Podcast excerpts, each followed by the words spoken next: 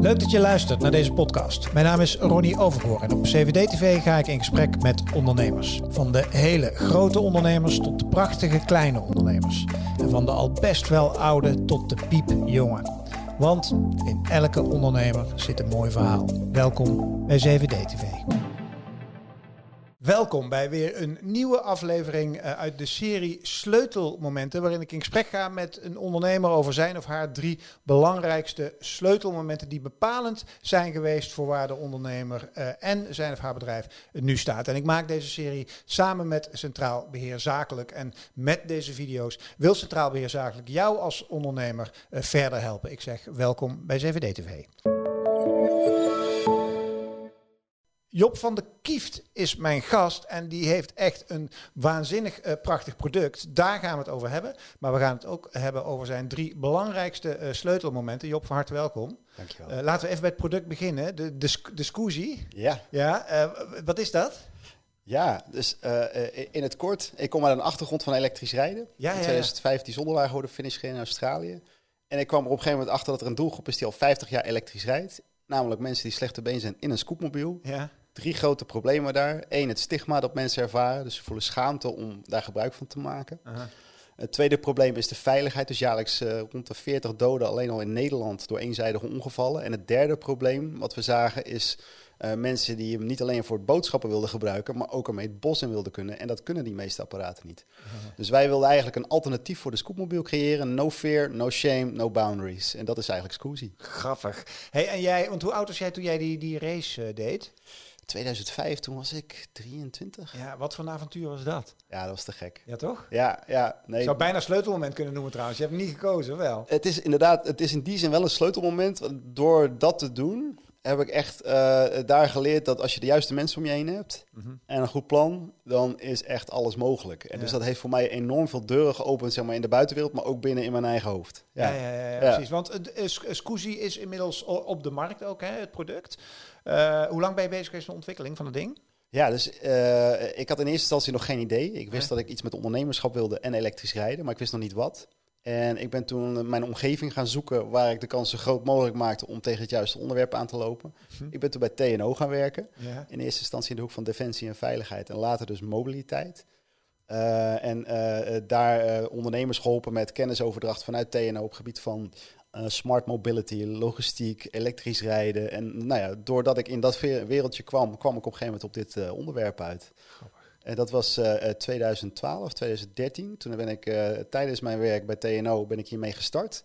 Toen zeiden ze bij TNO, hey wat gaaf, wij willen ondernemerschap stimuleren. Dus waarom word jij daar niet gelijk een uithangbord voor? Dus ik heb toen een overstap gemaakt naar TNO bedrijven. Uh, heb geholpen daar 2,5 jaar lang met het opzetten van nieuwe bedrijven vanuit TNO met TNO technologie. En Ja. tegelijkertijd kon ik mijn eigen springplank daarmee creëren. Aha. En ben ik in 2016 een bedrijf opgericht. In 2017 volledig overgestapt.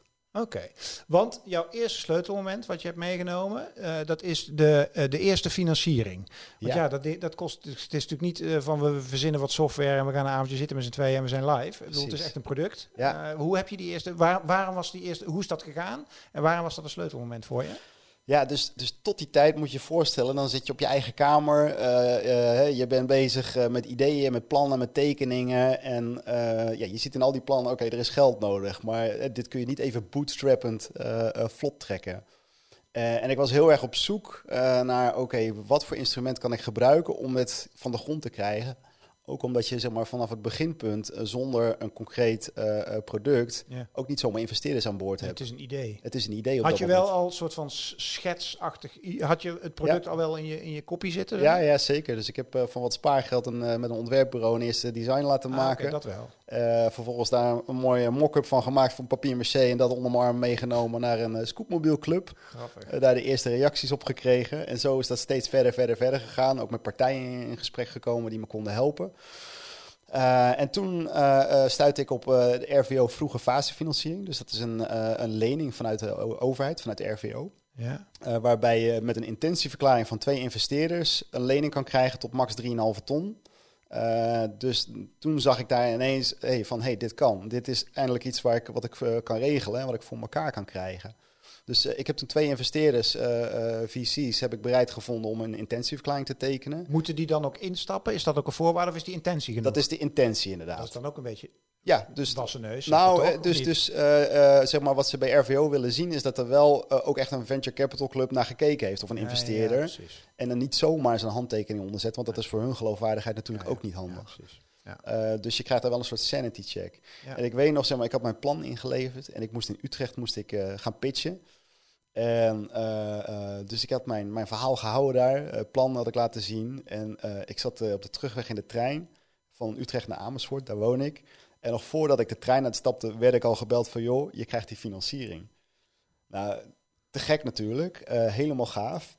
Uh, ik weet nog heel goed dat ik die avond zeg maar uh, moeilijk kon slapen. Want één, super blij. Maar twee, ook wel ineens van oké. het gaat nu echt beginnen. Het gaat nu echt beginnen. Ik heb nu 3,5 ton, er is geen excuus meer. en ik, moet het, ik heb er maar één kans. Ik moet het goed besteden. En ik moet het hiermee gaan doen. En dit moet het vliegwiel in werking gaan zetten. Wat het bedrijf op moet gaan starten. Want anders is het klaar. Want je kreeg op dat moment nog gewoon een salaris, of niet? Ja, ja dus ik, had, uh, ik werkte toen nog bij TNO inderdaad. Uh, ik had uh, bij TNO bedrijven. Ik had bewust daar een tweejarig tijdelijk contract afgesproken. Dus ja. die liep op dat moment ook rond die tijd af. Dit was september 2016. En december 2016 heb ik daar ontslag genomen. En, had je 3,5 ton op je bankrekening? Er gaan. En toen? Ja. En toen? Ja, aan de slag dus. Ja, en, hoe dan? Wat, wat, wat, wat, wat doe je dan? Uh, nou ja, dus we, hadden het plan natuurlijk staan. Uh, uh, ik heb toen mijn co-founder, die is toen ook aan boord gekomen. Die had mij in die zomer daarvoor al geholpen met een eerste proto te maken. Mhm. dus hij is erbij gekomen. Heb je toen ook een soort van, heb je ook bedrijfs, zeg maar, heb je een BV opgericht? Ja, en, en ja die had ik in 2016 al opgericht, want dat was voorwaarde voor die lening. Oké, okay, en, ja. en die co-founder en jij zijn dan 50-50 eigenaar geworden? Of Ongeveer, dus, we hebben, dus hij, is, hij is daarbij gekomen inderdaad. Okay, okay. En dus dat hebben we toen geregeld.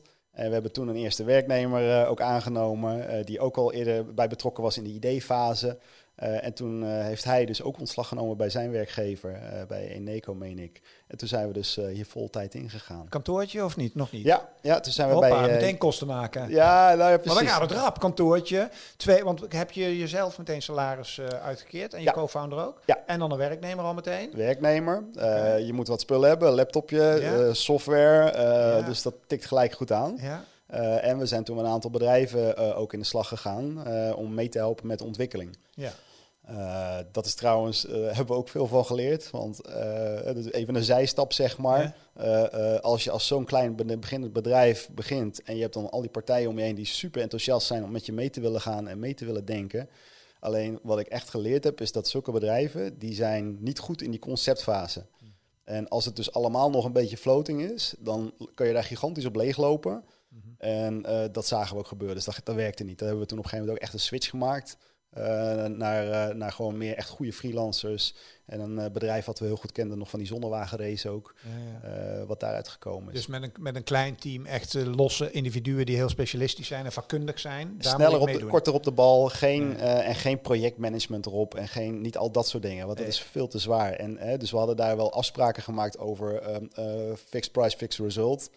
Maar je weet hoe dan ook, zeg maar, als dat niet geleverd wordt, dan is er intern komt daar trammeland op. En dan, nou ja, voor je het weet staan allemaal mensen onder druk en dan, ja. dan gaat het mis. En hoe lang heeft het geduurd voordat je, zeg maar, de eerste scusi... Hoe, waarom heet die scusi trouwens? Het klinkt ja. als Italiaans, ja. scusi. Is dat ook het idee erachter? Nee, nee, oh. nee, nee. Dus uh, uh, delen zijn geïnspireerd op een, de Renault Twizy. Dat is een mooie tweezitter. Dat was mijn, onze trouwauto was dat. Ja. Dus mijn vrouw daar achterin en ik voorin. En dat was te gek, want bij Scheveningen slagboom dicht super druk. Maar wij konden overal langs, dus we waren prima op tijd. Ja. Uh, dus daar zit dat, uh, dat element in. En ik wilde er ook bewegingen van scooter. Dus Scoozy. Zo, uh, zo kwam ja, dat eigenlijk ja, samen inderdaad. Ja, En wanneer, was de eerste, wanneer kwam de eerste Scoozy, zeg maar, eerste, Holland? Ja, eerste prototype hebben wij in 2017 gebouwd. Dat is vrij snel al. Ja, ja. en toen hebben wij, kort daarna hebben wij ook inderdaad de eerste klanten gekregen. Dus we hebben de formulier van Tesla van de website uh, afgehaald en daar Tesla vervangen door Scoozy. konden ze een prepayment doen en alvast hem reserveren. En uh, zo kregen we de eerste tien klanten die al uh, een paar duizend euro aanbetaalden. Individuele klanten of organisaties? Nee, particulier. Echt particulier? Ja, ja. Want had je daarover nagedacht, uh, zeg maar, qua verkoopstrategie? Of je zeg maar, één op één zeg maar, aan particulier wilde verkopen en of aan, weet ik veel, zorginstellingen of, of ja, allebei? Alhoewel, de, de kortste klap maak je op zo'n moment absoluut met de, met de eindgebruiker. Uh, want uh, als je B2B gaat, dan willen ze alles weten over garantie, over je hele salesapparaat, je voorraden. Je weet, op dat moment heb je dat allemaal niet. Mm. Op dat moment heb je early adopters die het super vet vinden om onderdeel te zijn van een verhaal. Mm. Dus we hebben die mensen ook uh, periodiek ook naar ons uitgenodigd, laten meedenken met dingen wat we wilden oplossen. En zo ook betrokken bij het ontwerp, hoe het werkte. en ja, dus hadden we die early adopters. En op basis van die, die prepayments, zeg maar, die reserveringen.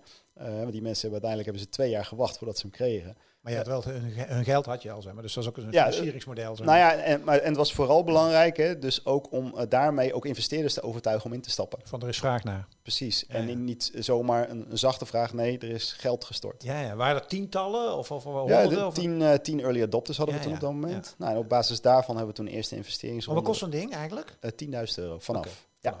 Ja, als je, als je daar zeg maar, een kwalitatief eh, eh, middensegment slash hoogsegment scootmobiel pakt, dan zit je 6.000, 7.000 euro. Plaats je daar een lithium accu in, dan zit je ook richting de 8.000, 9.000 euro. Dus dan kom je al heel snel aan de buurt. En Ja, er zitten dan heel veel opties op die bij ons er standaard in zitten. Ja. Hey, ehm, je tweede eh, sleutelmoment, daar, heb ik, daar staat één woordje bij mij, arbeidsongeval. Ja, vertel. ja dat, was, dat was heftig. En eh, zeg maar, je hebt één werknemer, eh, je bent aan het testen met een prototype. En op dat moment eh, ben je gewoon gas aan het geven, want je wil gewoon iets zo snel mogelijk uit de grond krijgen. Ehm, en dat ging mis, want een prototype, daar zit experimentele software op. dus het werkte niet precies zoals het hoorde. En die jongen die brak daarbij zijn enkel met, met het testen van Scoozy. Ja, op dat moment staat wel echt even je wereld helemaal stil. Eh, want er gaat van alles door je hoofd. Eh, is het verhaal überhaupt nu al geëindigd voordat we begonnen zijn? Eh, hoe gaat het met hem? Gaat hij helemaal herstellen? Eh, eh, allerlei dingen die op je afkomen, die geregeld moeten Wat was worden. serieus, die enkel? Of het was niet even verstuikt of wat? Of, eh, Nee, het was gebroken. Ja, ja dus, eh, dus, eh, dus de schrik zit er enorm in. Eh, bij de jongen zelf natuurlijk, maar ook bij ons. Ook omdat het met die scusi was gebeurd dus. Ja. Met het product. Ja, nou ja, uit- uiteraard was dat nog lang niet het product. Dus dat was echt Nee, een eerste Wat was er gebeurd dan? Reed je tegen de muur aan? Of wat, wat, wat, wat gebeurde Ja, dus er zit de software in en er zit van alles zeg maar, in geprogrammeerd. En die programmering die klopte Hij niet. deed niet wat hij moest Precies. doen. Dat is ja, het. ja. Eh, eh, maar goed, je wil alles goed regelen en er komt van alles op je af. Dus oké, ehm, eh, je hebt meldplicht bij arbeidsinspectie. Dus die komen langs. En bij die mensen zeg maar, ben je schuldig tot het tegendeel bewezen is. Dus daar Ja. wordt gelijk goed druk op je uitgeoefend. Dus je moet alles op overleggen, op tafel leggen. Ehm, eh, ben ik goed verzekerd? Hè? Ook zo'n vraag. Nou, dat bleek inderdaad een, een probleem te zijn. Want we hadden ons laten voorlichten door een tussenpersoon. Daar was blijkbaar een fout gemaakt, waardoor de uiteindelijke verzekeraar zei: We dekken dit niet. Nou, dan, eh, dan ben je helemaal eh, wel even van: Oké, wat gaat er gebeuren? Heel, heel mooi trouwens dat die tussenpersoon toen gezegd heeft: van, joh, Wij nemen die dekking over, want dit is onze schuld. Hmm. Eh, dus dat vond ik heel erg chic. Ja. En op de een of andere reden heeft die eindverzekeraar uiteindelijk later, na een half jaar later, toch weer gezegd dat ze toch wel eh, gaan dekken. Dus geen idee wat daar achter de schermen is gebeurd. Maar Uiteindelijk is het gesetteld. ja, maar dat was op, dit moment, op dat moment zelf, zeg maar, was dat ook nog wel een extra. eh, Maar dit is een wake-up call in de volle breedte. Dus aan de ene kant, zeg maar, als, als, moet ik zeggen, als werkgever, omdat er iets Je met verantwoordelijkheid. mensen gebeurt. Waar moet je allemaal wettelijk aan voldoen? Welke Precies. papier? Want op dat moment, zeg maar, wij wisten niet wat we niet wisten. Dus eh, wij kwamen erachter ook dat we een RINE moesten hebben. Een wat? Een RINE, een risico-inventarisatie en evaluatie. Dus dat is een papier waarin staat dat je al je risico's hebt overwogen en goed beschrijft en wat je maatregelen zijn. Eh, nou ja, Maar moet elke ondernemer dat? Of elke ondernemer moet dat hebben. Maar ook als je een, eh, een reclamebureau hebt met drie DTP'ers achter de Volgens mij wel. Ja, Oh. ja, ja. Hey, en, en, en daarnaast was de wake-up call natuurlijk dat, dat, zeg maar, naar je product toe. Ja, d- d- dat is ook. Hè. Dus er speelden eigenlijk meerdere dingen. Dus, dus je, je, inderdaad de documentatie die we niet goed op orde hadden, hè, waar, waar, we dan dus op dat moment achter komen. En als je dan links en rechts aan ondernemers vraagt van, joh, heb jij dat? Geen idee. Dus dan denk je ook wel even van, oké, en, en er is niet ergens een, tenminste op dat moment hadden wij niet ergens een checklist van, hé, hey, dit missen we nog. Dus je komt erachter, zeg maar, dat je randzaken super belangrijk zijn om goed geregeld te hebben voor dit soort dingen. Je bent bezig met ondernemen en je wil niet op je basisdingen fuck-ups maken. Nee. Dat is echt, want dan, weet je wel, dan, dan, ja, dat, eh dat kun je er niet bij hebben. Eh, eh, dus wat we daar ook, wat ook enorm meespeelde, is die jongen die bij ons werkte, die had een tijdelijk contract. En ik heb toen enorm getwijfeld van wat ga ik daarmee doen. En ik ben toen om me heen gaan bellen. Ik heb vijf mensen gesproken. Vier daarvan zeiden laat hem gaan. Niet verlengen, stoppen. Eentje zei, ik zou het wel verlengen. En ik heb toen heel erg bij mezelf, bij mijn eigen gevoel te raden gegaan. En ik wilde niet degene zijn die hem zou laten vallen. Dus we hebben toen gezegd van oké, we verlengen je contract. Was hij een tijd uit de running? Ja, ja, hij was wel even thuis. Oké. Ja. En, eh, en, en dat heeft bij hem waarschijnlijk ook meegespeeld in zijn beslissing om toch uiteindelijk te gaan. Eh, dus hij is toen eh, bij ons weggegaan. En daar hebben we ook van geleerd, want er zat zo enorm veel kennis in zijn hoofd. Kennis in het hoofd van je medewerker is geen kennis van het bedrijf totdat het op schrift staat. Eh, cruciaal. Dus we zijn ook echt vanaf dat moment ook alles gaan documenteren. Beslissingen die we genomen hebben, ehm, eh, keuzes die je maakt, eh, überhaupt resultaten die we hadden. Alles goed organiseren. En dat hebben we nu de laatste paar jaren nog veel verder doorgetrokken.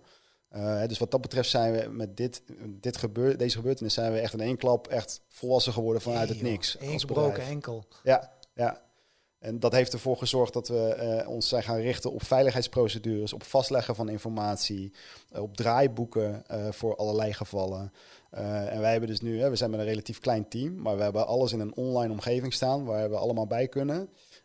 Zodat iedereen ook als er eentje iemand wegvalt, iemand anders dat zo kan instappen en over kan nemen. En daar precies ziet, nou, wat moet er gebeuren bij, oké, simpels als een verkoop van hè, alle handelingen in je CRM. Tot aan inderdaad van eh, er gaat iets mis eh, en wat moet er dan allemaal gebeuren. Dus dat hebben we allemaal centraal eh, daar nu vastgelegd. En daar ook dat extern laten auditen. Dus wij zijn lid geworden van de branchevereniging voor medische hulpmiddelen. En daar hoort ook bij een, een audit van Lloyd's Register. Dus we jaarlijks hebben we daar gewoon een onafhankelijke audit bij.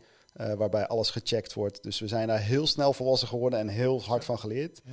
Het enige waar ik alleen maar blij om kan zijn achteraf is dat het meteen in de beginfase is gebeurd. En niet eh, op het moment dat je alles al hebt staan en al helemaal buiten bent en, en bezig bent met je product. Eh, dus dat zie ik dan nog als een geluk bij een ongeluk. Ja. Door het ongeval met die stint ging de hele verzekeringswereld op dat moment op slot.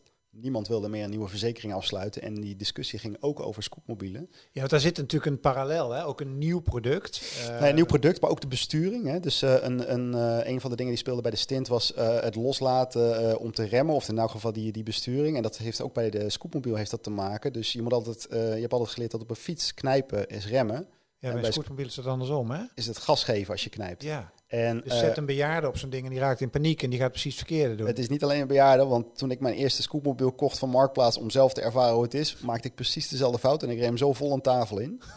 Eh, omdat je gewoon gewend bent, zeg maar, oh, er gebeurt iets. Ja. Eh, je doet dit. Ja. Je denkt niet na, dat zit gewoon en dan in geef het je dus gas. Ja. Of gas, je geeft, je geeft elektra. Nou, dus aan de hand van die- dat ongeval van de stint is dat toen ook in het programma Kassa geweest. Daar is de scootmobiel uitgeroepen tot het meest gevaarlijke voertuig van de Nederlandse wegen. En eh, wij als nieuwkomer met eigen software, eigen elektronica, eh, wilden op dat moment de markt opkomen. Ja, eh, geen enkele aansprakelijkheidsverzekeraar die daar zijn handen aan durfde te branden. commercieel kan ik me ook voorstellen dat je handen jeuken, want een beter momentum kun je niet hebben, zeg maar. Nou, voor ons was het super, want er is toen een onafhankelijk onderzoek uitgekomen. En wij waren het enige product, en nog steeds zijn wij het enige product, dat allemaal voldoet aan die eh, eh, voorwaarden die daar gesteld zijn. De, dus de eisen, de aanbevelingen om het product te verbeteren. Is dat belangrijk in je communicatiestrategie? Dit? Ja, die veiligheid is een van de drie speerpunten waar we op zitten. Ja. Ja, absoluut. Ja. En, en eh, dus dat gebruiken we. Eh, en eh, uiteindelijk zeg maar, is door bemiddeling van een grote, grote partij in Nederland, die hebben ons enorm geholpen eh, om bij een buitenlandse verzekeraar aan de slag te gaan. Die zijn met een delegatie van vier man gekomen. Die hebben ons helemaal uit elkaar getrokken qua informatie en welke keuzes enzovoorts. En die hebben toen uiteindelijk gezegd, wij gaan jullie verzekeren. En daar hebben we, dus drie kwart jaar heeft het geduurd. Dus we hadden het product bijna helemaal klaar. TUF gekeurd en alles was ook geregeld, hè, dus onafhankelijk gekeurd. Maar dan zouden we dus niet de markt op kunnen, omdat we niet verzekerd waren met productaansprakelijkheid. Dus het was bijna de bottleneck die we van tevoren nooit aan hadden zien komen. Eh, dus dat hebben we toen ook overwonnen. Dus we hebben die mensen kunnen laten zien en overtuigen met al die dingen die we al geleerd hadden. Door dat ongeval ook mede. Eh, hè, dat we het echt supergoed hadden staan en echt goed over nagedacht hadden. Jezus joh. Ja. Hey, hoeveel rijden er nu rond? Ja, een paar honderd inmiddels alweer. Ja? Dus we- en, eh, een deel daarvan, eh, we zijn eigenlijk, hè, dus dat is het leuke, dan kom je eigenlijk op het derde punt. Ja, derde sleutel. Ja, precies. Lancering in het buitenland. Ja. En dan ook nog tijdens de coronapandemie. Ja, nou, dat is ook weer zoiets. Dan ben je dus eindelijk, zeg maar, dan heb je die, we hebben bewust, hebben we de eerste twee series hebben we in Nederland alleen uitgezet. Want we wilden gewoon van dichtbij zien, hoe werkt het, enzovoort. En als er dan wat is, dan konden we goed self-service verlenen ook. Eh, en in plaats van hè, als ze ergens overal rijden. Eh, en we hebben toen ook veel getest met de distributeurs. En toen hebben we eigenlijk een lijstje van, eh, van verbeterpunten gemaakt. wat in het nieuwe product moest komen. voordat we echt eh, naar het buitenland gingen. Nou, dat was. eh, we hebben toen met de investeerders. We hebben toen een extra investeringsronde gedaan. Dat was twee weken voordat corona uitbrak. Ik weet nog dat de vraag daar gesteld werd door een van de investeerders: van joh, die corona die daar in de verte gebeurt, gaan we daar nog last van krijgen? En iedereen had zoiets van: nee, waar heb je het over? Eh, Ja, dus precies op dat moment dat is geregeld. Ook een aantal eerste intentieverklaringen getekend met distributeurs. En toen kwam die hoos over ons heen. En ik had dus allerlei afspraken eh, gestaan. We zouden naar de grootste beurs in Europa gaan op dit vlak om deals te sluiten. En dat was in één klap volledig van de baan. Niemand nam zijn telefoon meer op. Niemand reageerde meer. Dus dat was helemaal compleet blanco. En eh, toen had ik echt zoiets van, oké, hoe ga ik hiermee om? Hoe ga ik dit nou, zeg maar, eh, eh, vlot trekken? Nou, ik heb, wat ik toen gedaan heb, ik heb tijdens mijn studie heb ik ook altijd een, een eigen ondernemingje gehad in promotiefilms en filmpjes maken. Dus ik dacht van, oké, ik moet in contact blijven met de buitenwereld, ook als ik daar niet heen kan. Dus ik heb toen een, een 360 graden camera aangeschaft. op een selfie stick van 3 meter. En het mooie is, die 360 graden camera die filtert die stok eruit. Eh, dus het lijkt net alsof je een drone om je heen hebt. Ja. En de eerste, een van de eerste films die ik toen gemaakt heb, is eh, eh, Koningsdag was natuurlijk afgelast. Dus Amsterdam normaal gesproken helemaal vol. En nu niemand. En ik ben om, te, om zes uur s ochtends in een oranje scoozy, in een oranje pak met een grote Nederlandse vlag, dwars door Amsterdam gereden met die camera. En daar opnames gemaakt op wat echt, wat dat betreft, bizar was. Historisch eigenlijk. Amsterdam volledig leeg. Echt helemaal leeg. Niemand. En ehm, eh, die beelden die zijn later s'avonds nog op de NOS uitgezonden geweest ook. En eh, dat is eigenlijk voor mij eh, het startpunt, zeg maar, om te zorgen dat ik wel in contact bleef met die buitenwereld. Dus wat ik deed, ik ging overal filmpjes maken en die appte ik gewoon naar mijn contacten. Ja. Maakt niet uit of ze niet reageerden. Het merk actief houden en het product. Levend houden, warm houden. En, en ik kreeg op een gegeven moment kreeg ik juist terug van wauw, wat een gave filmpjes en dit en dat. En toen op een gegeven moment zeiden we, oké, we kunnen niet naar die beurs toe. Niemand komt daarheen, dus we moeten naar ze toe. Dus ik heb toen hebben we de bus hebben volgeladen met een paar proto's. En ik ben toen door heel Europa gaan rijden. Eh, camera mee, dus overal waar ik kwam heb ik ook filmpjes gemaakt. Dus ik heb super vette beelden van Scusi op de rand van een afgrond bij de Gotthardpas. Op de Stelvio-berg in Milaan, in Lucerne in Zwitserland. eh, Parijs, Londen. dus overal filmpjes gemaakt waar ik kwam. Terwijl ik die distributeurs bezocht, onderhandelingen doen en zorgen dat we het toch voor elkaar kregen. En uiteindelijk is dat dus toch gelukt. Door overal gewoon zelf heen te gaan en tegelijk dus gaaf materiaal te schieten. En, eh, en, en zeg maar de, dat is het idee ook van Scusi. We willen het liefst dat je gewoon vette dingen gaat beleven. En dat je er ook op uit kan. Een roadtrip maakt, ook al ben je misschien minder valide. Hmm. Eh, en dat vind ik ook wel het gaaf aan onze klanten. Wat ze gemeen hebben, is dat ze een mindset hebben van can do. eh, en eh, zich er niet bij de laten zitten. Ja, en dat is precies wat we willen uitstralen. We willen dat hele zielige willen we eraf halen. Ja. En ik zie klanten van ons soms meer doen dan mensen die ik ken die prima mobiel zijn met hun leven. Ja. En dat vind ik heel gaaf. Ja. En nou ja, dat konden we zo allemaal mooi combineren. En eh, dus die contracten inderdaad eh, eh, weten te sluiten. En, en toen hebben we dus juli vorig jaar is het gelukt om het product af te hebben. Om hem ook weer goed te hebben. En toen gaan uitrollen in Nederland, Frankrijk, België, Duitsland, Engeland, Spanje, Italië, Slovenië. En we hebben zelfs de eerste scooters die ook door consumenten daarbuiten gekocht zijn. Dus er rijdt een Thaise monnik rijdt er rond in Thailand. Fantastisch die beelden. Dus een heel dorp wat uitloopt, die volgens mij een collector voor hem gehouden hebben. En die staan allemaal daar te filmen, terwijl hij door dat dorp rijdt in zijn scooter in traditioneel gewaad. Eh, er rijdt er eentje rond in Canada, er is er eentje naar Japan. En eh, nu zijn we aan het zorgen dat het allemaal eh, van de grond komt. Wat een levenswerk, man. Ja, Wat zijn je groeiplannen? Kan je dat allemaal zelf financieren? Of, of eh, hoe ziet dat business-wise eruit de komende jaren? Wat zijn, hoe Ja. ga je dat doen? Ja, we hebben, we hebben zeker plannen. Zowel zeg maar qua expansie geografisch. Dus we krijgen best veel aanvragen al uit Amerika, terwijl we daar nog niks doen op het gebied van marketing. Amerika is anderhalf keer de markt van heel Europa, dus daar willen we graag naartoe. Daar ben je ook voor verzekerd, zeg maar? Nee, die zit niet onder de productaansprakelijkheidsverzekering, dus daar is ook geld voor nodig. Ja. Eh, ehm, en we hebben ook eh, plannen gewoon voor uitbreiding van het portfolio. Want we hebben op dit moment één product waar we alles omheen bouwen. Maar we zien daar zoveel spin-off mogelijkheden waar we ook nu echt de bouwblokken voor hebben in, in ons bedrijf. De kennis en kunde. Dus wij kunnen heel snel eh, nieuwe voertuigen prototypen. Waar moet ik dan aan denken? Eh, dus denk aan een variant eh, waar meer eh, een geavanceerdere stoelsysteem in zit, Ja. wat voor zwaardere gehandicapten geschikt is. Denk aan een variant met een conventioneel stuur, wat meer een soort urban kart eh, gaat worden. Voor jongeren doel. Ja, jongeren, maar ook mensen die het traditioneel stuur fijner vinden dan een joystick. Die heb je natuurlijk ook. Hm. Hm. Denk aan uh, wellicht opvouwbaar. Uh, dus, dus zo hebben we verschillende richtingen. Dus we hebben nu een distributiekanaal uh, wat staat. En we hebben steeds meer kennis. Ja, daar willen we natuurlijk veel meer gebruik van maken. Dus we zijn op dit moment in gesprek met investeerders. Gelijk nog even een oproep. Of er nog partijen geïnteresseerd zijn. Ja. die, daar staan we zeker open voor om, om die te ontmoeten. En wij zijn dus bezig om inderdaad een investering op te halen ergens in de komende 6 tot 12 maanden. Om die uitbreiding op te zetten, zowel qua landen als qua productportfolio. Geweldig verhaal, man. Ja, mag ik je heel veel succes wensen daarmee de komende jaren. En dankjewel voor het delen van je ondernemerservaringen. Dankjewel. En uh, ja, en, en normaal ben ik niet zo van het sponsor enorm ophemelen, maar ik vond dit wel echt een super uh, tof gesprek. Ook mede omdat dat tweede sleutel natuurlijk bij uitstek iets is uh, daar waar je misschien nog eens een keer op centraalbeheerzaken.nl slash ondernemen kan kijken. Want wat één gebroken enkel allemaal kan betekenen voor je onderneming, dat hebben we zojuist geleerd. namens Centraal Beheer Zakelijk, dankjewel voor het kijken. Heb je geluisterd naar de podcast? ook dankjewel voor het luisteren. Je vindt alle afleveringen uit deze serie sleutelmomenten, die vind op het Spotify-kanaal van Centraal Beheer Zakelijk en uiteraard op het YouTube-kanaal van 7D TV. Dankjewel voor het kijken en luisteren. Hoi! Wil je meer van deze ondernemersverhalen horen? Volg dan de podcast van 7D TV. En ben jij meer van de video's? Weet dan dat alle 7D TV gesprekken als video te zien zijn op YouTube. Voor nu, dankjewel voor het luisteren en heel graag tot een volgend gesprek op 7D TV.